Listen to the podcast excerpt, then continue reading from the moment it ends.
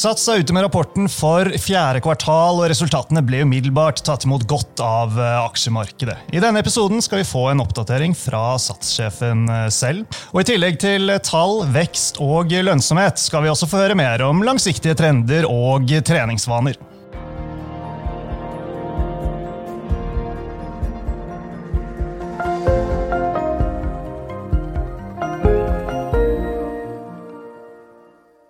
Velkommen til Utbytte, den B-podkasten der vi forklarer hva som skjer i den globale økonomien og finansmarkedene.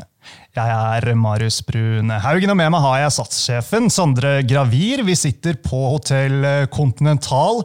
Der har du, Sondre, akkurat rundet av et eh, maraton med investormøter i kjølvannet av Q4-rapporten som dere la fram i dag morges.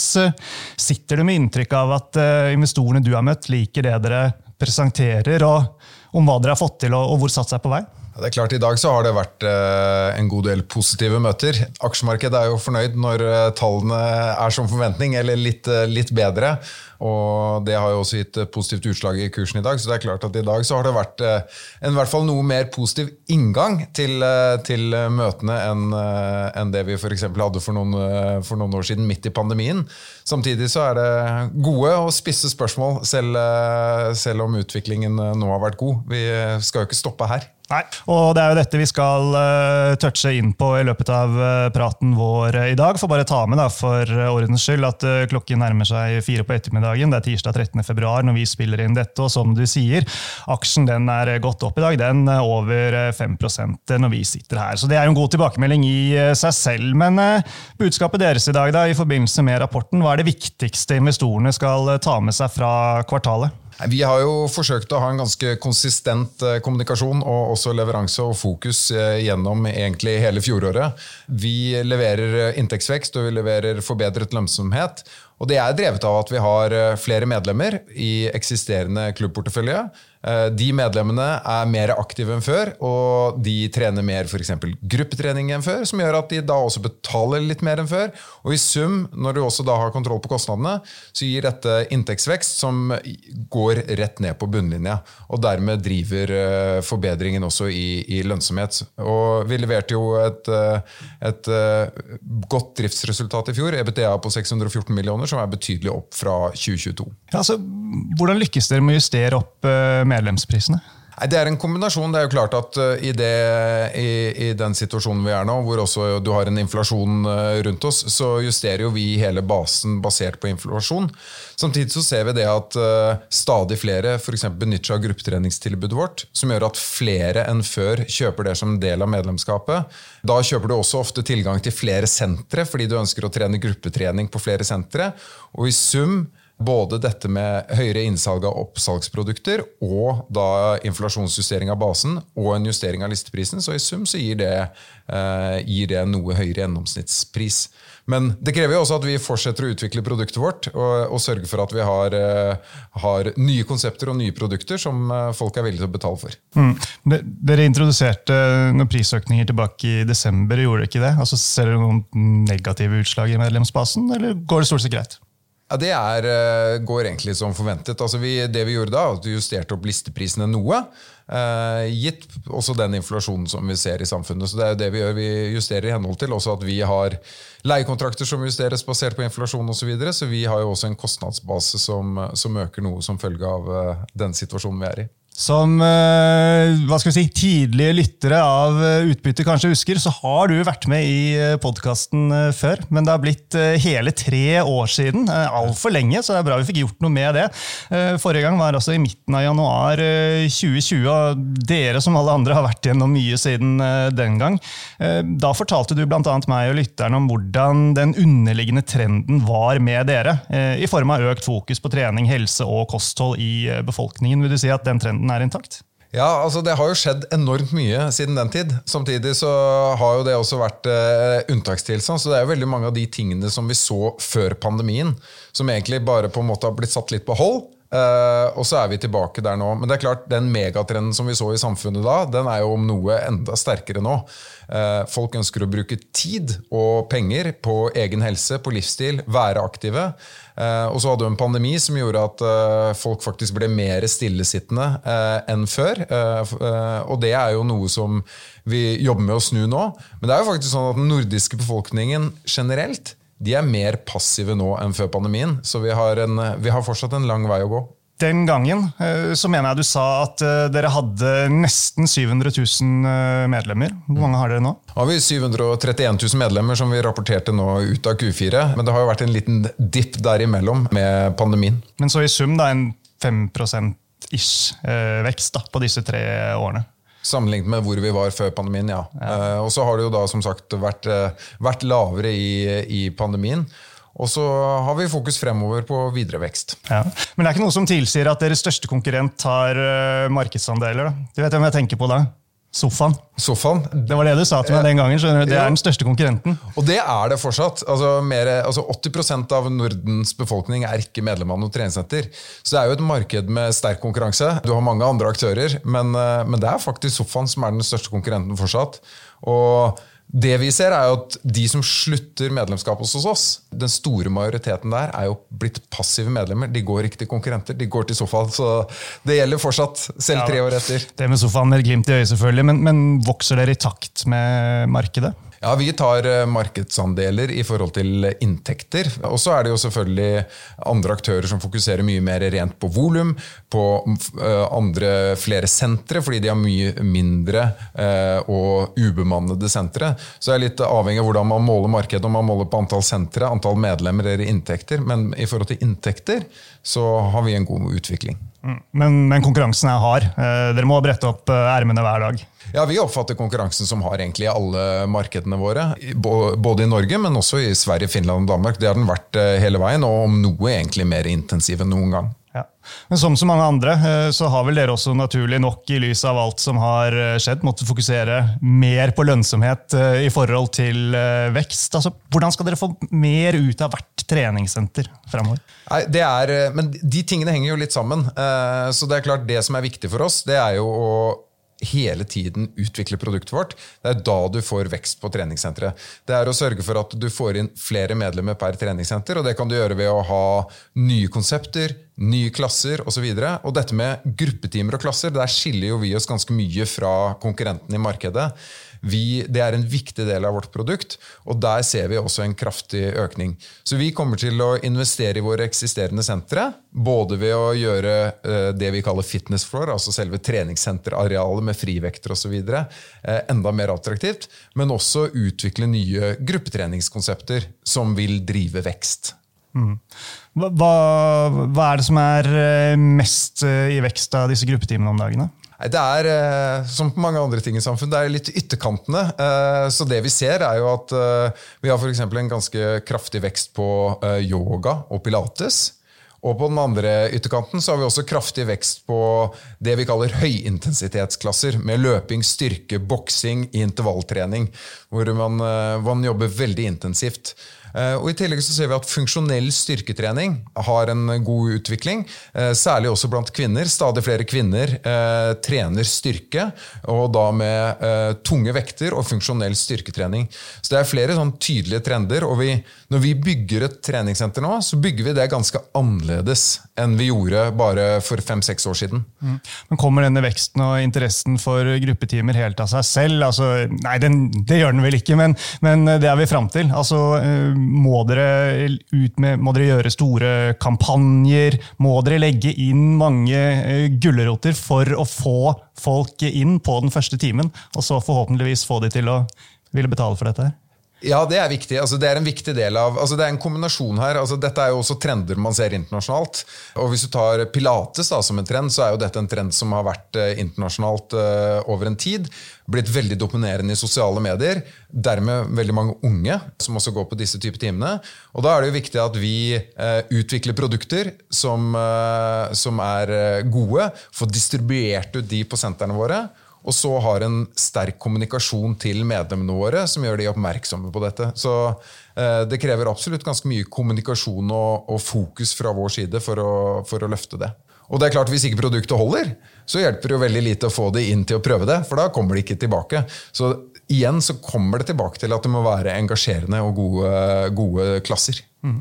I forhold til ja, de forskjellige treningssentrene rundt omkring, så er det vel forskjellige vedlikeholdsbehov. Det er sikkert forskjeller på hva sentrene leverer av lønnsomhet osv. Hva er stjerneeksempelet på et senter som er up to date og leverer det det skal i dag?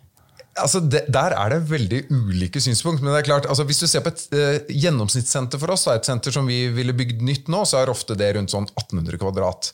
Men vi har jo andre sentre som er mye mye større. Og det er klart, Stjerneeksempelet sett i, mitt, eh, i min bok, det er et senter som har mange produkter og en bred produktportefølje. Men det som er viktig for oss, er jo at vi har eh, hele produktporteføljen vår tilgjengelig på tvers av et cluster. Så typisk f.eks. i Oslo, da, hvor vi har har, eh, hvor vi har over 60 treningssentre, eller i Stockholm hvor vi har over 70 treningssentre, så har vi jo ikke alle konseptene våre, alle produktene våre på alle sentre. Men innenfor et mikrokluster av ofte tre-fire sentre, vi ser at de fleste medlemmer trener på eh, mer enn ett senter, så skal vi ha det tilgjengelig. Så det er egentlig summen av clusteret som er det viktige for oss, og ikke nødvendigvis hvert enkelt senter i seg selv. Eh, fordi der vil det være ganske stor variasjon, både i størrelse, eh, demografi på medlemmene, og hva slags type produkter og konsepter vi har på et, eh, på et senter. Mm. Så at man går litt rundt styrketreningen gjør man på ett senter, og så kan man gjøre den spesielle yogatimen man ønsker på et annet senter? Ja, altså et, altså et, typisk medlem vil, vil, ha typisk at man trener på to sentre. Ett i nærheten av der man bor, ett i nærheten av der man jobber. Men så vil man kanskje ha en, en, en yogatime i en hotsal på et spesialisert yogasenter, så da reiser man inn til et av yogasentrene våre for å gjøre det. Eh, og så går man på hit-time eh, kanskje én dag i uken, og så reiser man til eh, en av de sentrene som har en hit-sone, og gjør det. Og på den måten så bruker man i løpet av en måned flere av treningssentrene, selv om man har kanskje ett senter man går mest til for, for den kalde ukentlige rutinen. Mm. Men hvor langt fram, hvor store investeringer må dere gjøre for å få optimalisert senterporteføljen, da, slik dere ønsker, for å nå ambisjonene deres? Vi eh, guider på at vi investerer ca. 5% av inntektene våre knyttet til det vi kaller vedlikehold og oppgraderinger.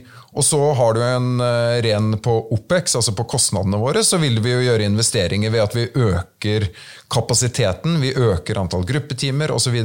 Som, som går direkte på bemanningskostnadene våre. Men, men ca. 5% av inntektene våre må vi reinvestere i å holde, holde sentrene oppe på et uh, nivå som vi ønsker å ha. Mm.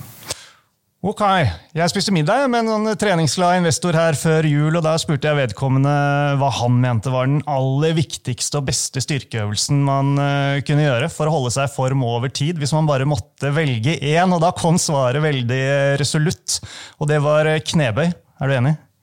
Nå er ikke jeg noen sånn treningsfaglig ekspert her, men jeg må jo si meg delvis enig. Så er vel det vi hater mest alle sammen, er burpees. Så hvis jeg legger på den, så er vi vel i havn. Ja, ja. Men altså, med alt det vi har snakket om nå, altså, hva er den viktigste øvelsen dere i Sats eh, skal lykkes med da, for å bedre lønnsomheten?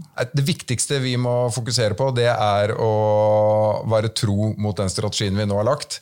Vi må sørge for å ha kontroll på kostnadene, og så må vi sørge for å hele tiden utvikle produkttilbudet vårt til medlemmene, så vi har det beste treningstilbudet. Da vil vi fortsatt kunne øke antall medlemmer på senter. Da vil vi fortsatt kunne ha betalt for de produktene vi leverer, og da vil resultatene komme. Uh, og så er det jo sånn at uh, mange, mange, tror jo at den enkleste måten å tjene penger på å drive treningssenter på, det er bare å sørge for å ha masse medlemmer som ikke trener og ikke bruker produktet. Uh, men det er virkelig en myte. Så for oss så er det viktigste å sørge for at medlemmene bruker produktet vårt og er aktive medlemmer, for da forblir de medlemmer over tid. Ja. Lojale, da, lojale, kunder som trener mye, er gull verdt, rett og slett? Ja, det er det. For de bevarer medlemskapet sitt over tid. Eh, og da kommer de finansielle resultatene. Så når vi snakker om at vår visjon er å gjøre folk sunnere og gladere, at vi ønsker at folk skal trene mer, så er ikke det festtaler. Det er virkelig for å sørge for at inntjeningen over tid forbedres. Men hva, det, hva, hva legger gjennomsnittsmedlemmet igjen i måneden i kroner i Norge? Er det 555 dere oppga i rapporten? Ja, altså Hvis du ser på gjennomsnittsinntekt per medlem, så stemmer det. Også, det er klart Kjøper du et nytt medlemskap i dag, så vil det ligge noe høyere pris. Men så er jo det som gjør at gjennomsnittet som vi rapporterer i tallene våre, er noe lavere, er at du har studentrabatt, seniorrabatt, noen har bedriftsavtaler osv. Pluss at uh, så, så, i sum så gjør det det at uh, det snittallet vi rapporterer, er noe lavere enn den listeprisen man ser. Ja. Gjennomsnittet, hvis du tar de mest aktive kundene deres, da, er det mye høyere? Nei, det er ikke så mye høyere, men det er klart de som er mest aktive, de kjøper jo også tilgang til gruppetreningsprodukter osv. Og, så videre, og til flere sentre, som gjør at det løfter snittet noe. Mm. En ting som jeg, jeg vet ikke hvor viktig det er for dere i det store bildet, men eh, jeg har i hvert fall lyst til å skryte av det. Eh, fordi jeg opplever at dere har vært ganske bevisste på å bruke data til å gi medlemmene positive tilbakemeldinger. Eh, det var du veldig klar på når vi snakket sammen eh, for tre år siden. Dette er sånne småting. Et eksempel kan være at Når jeg går inn på treningssenteret, så får jeg en sånn liten ufarlig, men hyggelig melding i appen hvor det står eh, 'Hei, Marius, så bra at du trener i dag', eller et eller annet i den duren. Så er det selvfølgelig veldig subjektivt, da, men, men, for meg så er ikke dette irriterende. Det oppleves som, som noe som er bra. Så til det som er spørsmålet mitt. da, altså Ser dere noen sånne åpenbare videreutviklingspotensialer rundt dette her med strukturering av data, og hva dere kan bruke det til? Eller eh, er det en kostnadsside her som også er såpass stor at eh, det ikke helt står til stil i forhold til gevinsten det gir? Vi mener jo absolutt at det står i, i, stil i forhold til gevinsten, og det der er utrolig viktig. Og det er klart at den besøksveksten vi har sett uh, de siste tolv månedene, den uh, tilskriver vi uh, en kombinasjon av selvfølgelig at man vil trene mer generelt, men, men, veldig mye knyttet til denne type kommunikasjonsinitiativ og rundt produktforbedringer. Og vi ser at altså den type relevant kommunikasjon fungerer. Vi ser det at når, Hvis vi har et medlem som har vært aktiv over tid, og som plutselig da i løpet av noen uker ikke er hos oss, når vi følger opp gjennom digital kommunikasjon, som du gir et eksempel på der, de medlemmene, så ser vi at vi greier å få noen av de i gang igjen. Så dette her er eh, en viktig del av strategien vår, og, og, og vi ser at det fungerer. Så har vi, har vi eh, betydelig eh, stor mengde brukere i appen vår. Vi har dager hvor vi har 230 240 000 daglige brukere i appen vår. Og Det er klart det er også en veldig viktig kommunikasjonskanal for oss. For å sørge for å både gi relevante treningsråd og tips, men ikke minst eh, noen litt sånn oppmuntrede, oppmuntrede varsler. Hmm. Kostnader eh, må vi også snakke om. Eh, vi har husleiekostnader, strømkostnader, lønnskostnader. Hva gjør dere for å knipe inn der dere kan? Men samtidig opprettholde et bra tilbud? Det er det som er kjernen, akkurat siste, det siste som du sa der. Fordi, altså vi har, Kostnadsbasen vår er egentlig ganske enkel. Vi har en tredjedel husleiekostnader. Så har vi en tredjedel personalkostnader og en tredjedel andre kostnader. røftlig. Eh, og det er klart Husleiekostnadene de indeksreguleres eh, i de løpende kontraktene vi har i henhold til inflasjon. Så der er vi på en måte, Det som er viktig for oss der, er jo selvfølgelig å sørge for at vi har de rette lokasjonene, ikke har større lokaler enn det vi trenger, og så forhandle inn eh, så gode kontrakter som vi vil. Men det er viktig for oss å ha attraktive lokasjoner. Så det er klart det er kostnader som ligger der ganske fast. Og så er det jo det å sørge for at du har nok bemanning til riktig tidspunkt på dagen på riktig senteret. Og selvfølgelig kunne vi kuttet bemanningskostnadene våre betydelig, for vi har mye personal. Men, men, for oss er det en viktig del av konseptet vårt. Vi skal ha bemannede sentre. Vi skal ha den oppmuntrende kommentaren når du kommer inn på senteret fra en i resepsjonen som ønsker deg velkommen og gir deg en fin kommentar på vei ut. Eh, vi skal ha ryddige sentre som gjør at vi må ha ansatte på jobb for å hjelpe medlemmene å rydde litt. Det er ikke alle som er like flinke. Eh, og vi skal ha et bredt tilbud av gruppetreningstimer. Så vi, eh, vi, har jobbet mye med kostnadene. Vi ned, hadde jo et kostnadsprogram for halvannet år siden hvor vi tok ned eh, kostnadene en god del, også på overhead. Men, men fremover så guider vi på at kostnadene skal utvikle seg ca. i takt med inflasjonen. Det betyr ikke at vi skal stå stille. Det betyr at eh, på noen områder så kommer vi til å kutte kostnader, og på noen områder så øker de ganske mye mer enn inflasjonen.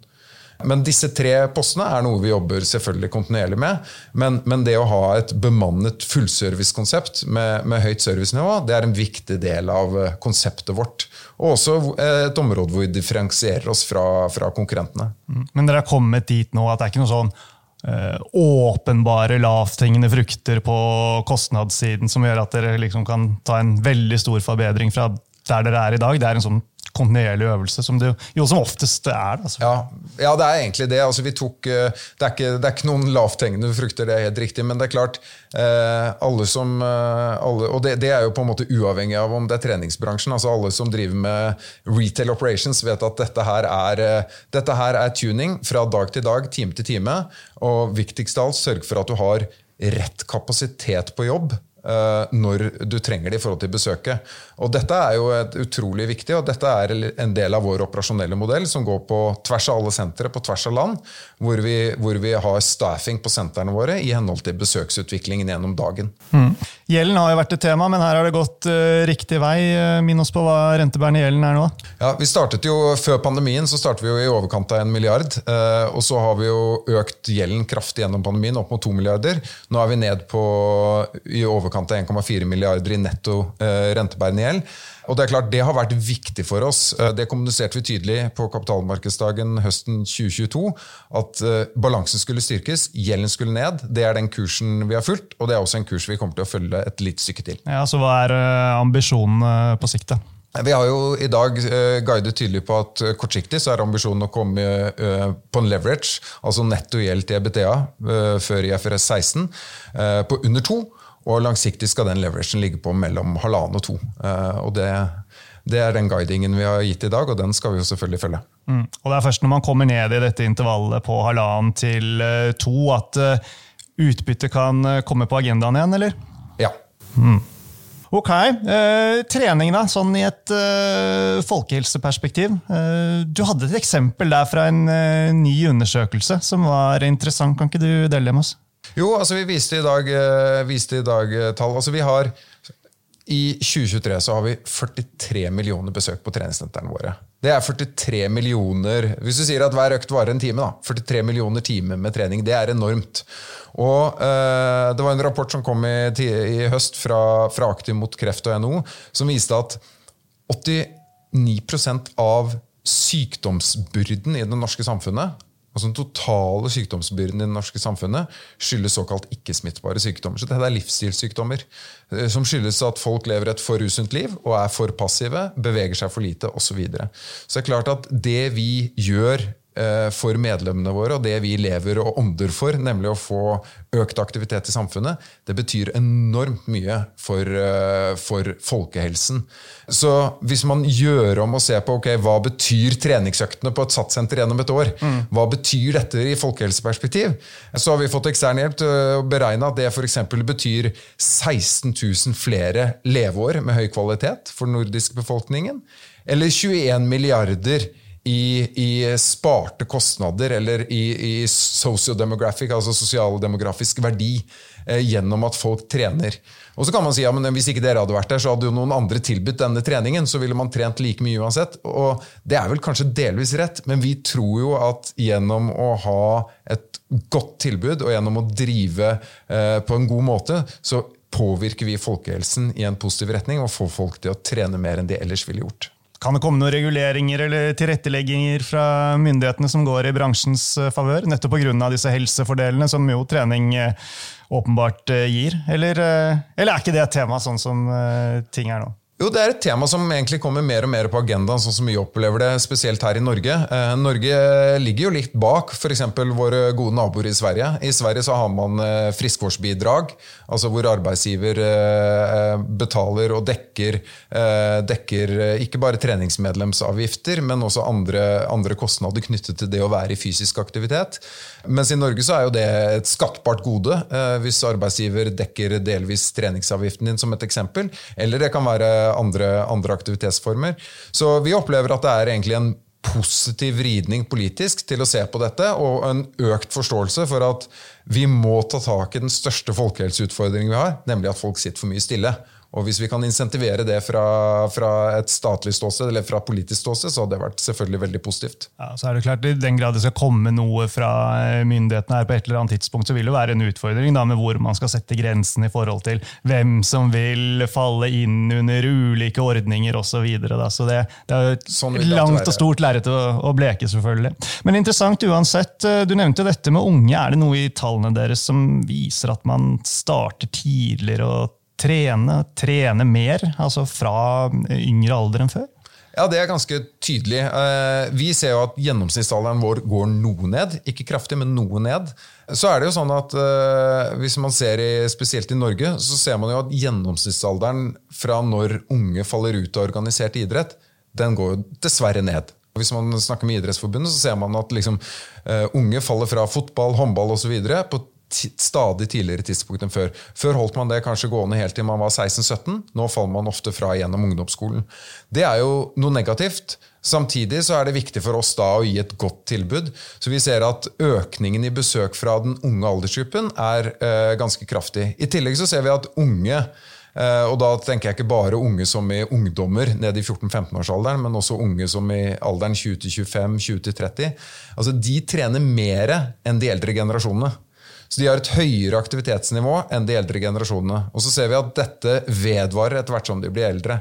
Så vi tror jo at det skjer et, uh, skjer et aktivitetsskifte med generasjonsutviklingen i samfunnet. Etter hvert som nå dagens yngre blir eldre, så vil også det generelle aktivitetsnivået i samfunnet øke, fordi de er mer aktive per i dag enn den eldre generasjonen. Ja, og Det er klart uh, bra for dere hvis dere får uh, kunder som uh, er med dere enda lenger enn før. Men ja, det er også fort gjort å tenke at unge er kanskje ikke like lojale. Da, nødvendigvis. Men det vet jo du bedre enn meg. Ja, Vi ser at de er ganske lojale. Når de først, når de først har begynt å trene et sted, så bevarer de den treningsvanen over tid.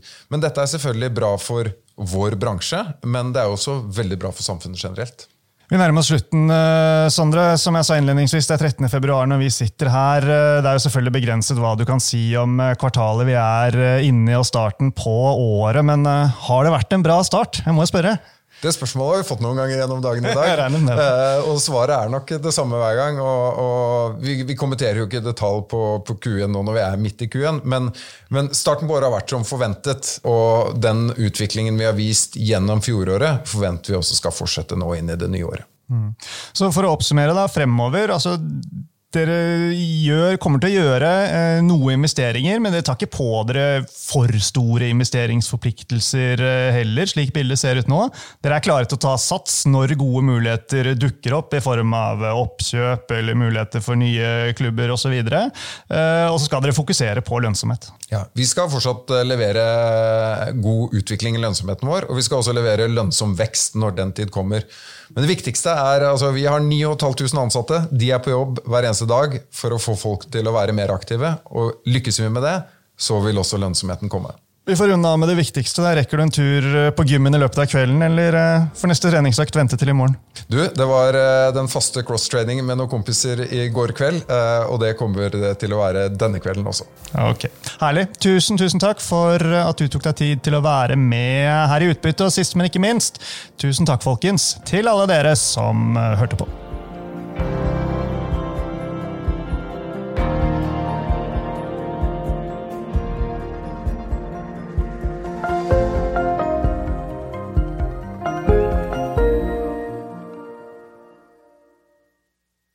Denne sendingen ble publisert i podkasten Utbytte.